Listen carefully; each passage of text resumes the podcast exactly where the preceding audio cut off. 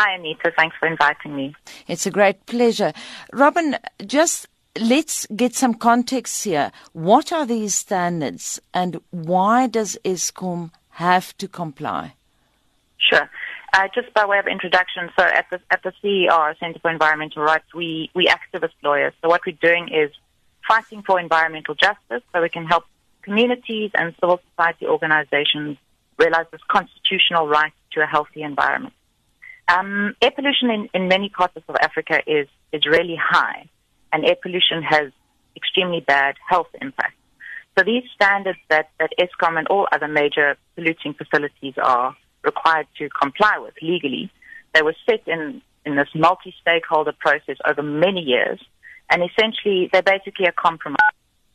If you're a particular type of facility that, that emits to air, you have to at least comply with, with certain standards. And South African standards are very weak.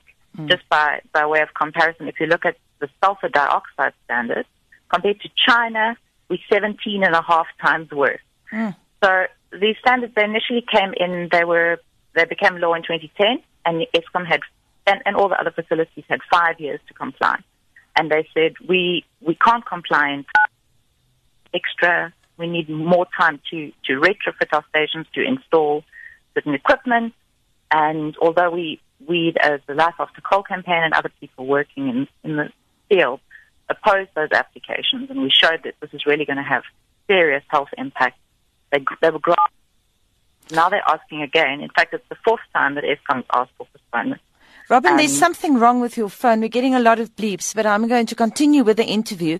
Let's look at the fact that they once again not complying. They say it's very difficult. Your reaction to that? Eskom says it's going to cost a lot of money, and that money is going to be passed on to the consumers. They're going to say they say it uses more water to comply with the standards. Uh, those things are true, although we haven't got, we're not able to interrogate all of their figures because they haven't made that information available.